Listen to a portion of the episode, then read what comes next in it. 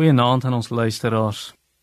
In Jesaja 46 vers 10 praat dit van die Here wat van die begin af verkondig die einde en van die voortyd af wat nog nie gebeur het nie wat sê my raad sal bestaan en al wat my behaag sal ek doen.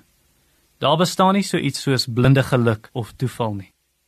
Volgens hierdie vers en die res van die Bybel sal God se raadsplan vas staan en sal hy doen wat hy wil doen. Geen mens of duiwel of iets anders gaan sy planne keer nie. God maak nie 'n plan B nie, hy herbereken nie soos jou GPS nie. As die Here iets wil doen, dan voer hy dit uit. Daniël sê vir ons hy doen wat hy wil onder die leerskare van die hemel en die bewoners van die aarde. Niemand kan sy hand afslaan en vir hom sê wat doen u nie. God is in beheer van die geskiedenis. Hy besluit wat met nasies gebeur. Hy besluit waar hulle woon en vir hoe lank hulle gaan bestaan. Handelinge 17:26. Hy stel konings aan en af, sê Daniël 2 vir ons. Hy beïnvloed selfs konings se besluite. Spreuke 21:1 sê die koning se hart of gedagtes is in die Here se hande soos 'n stroompie water. Hy lei dit waarheen hy wil. God bestuur alledaagse gebeure soos 'n mossie wat op die grond val of 'n haar wat van jou kop afval, het Jesus gesê.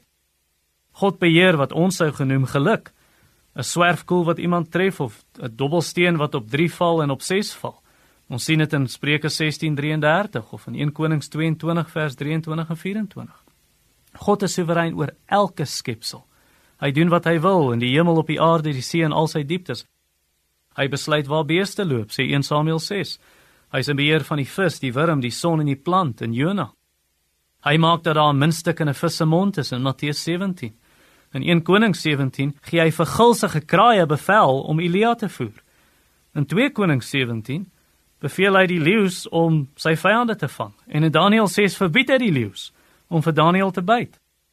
Volgens Psalm 148 vers 8: Vuur, haal, sneeu, miswolke, stormwinde, alles voer sy beveelings uit. God is self soewerein oor Satan en demone. Hulle kan nie doen wat hulle wil nie. Die Here sê vir Satan: "So ver sal jy gaan met my dienskneg Job en nie verder nie." Die demone smeek toestemming van Jesus om in die varke in te gaan. God is soewerein oor alles. Hy werk alle dinge volgens die raad van sy wil, sê Efesiërs 1:11.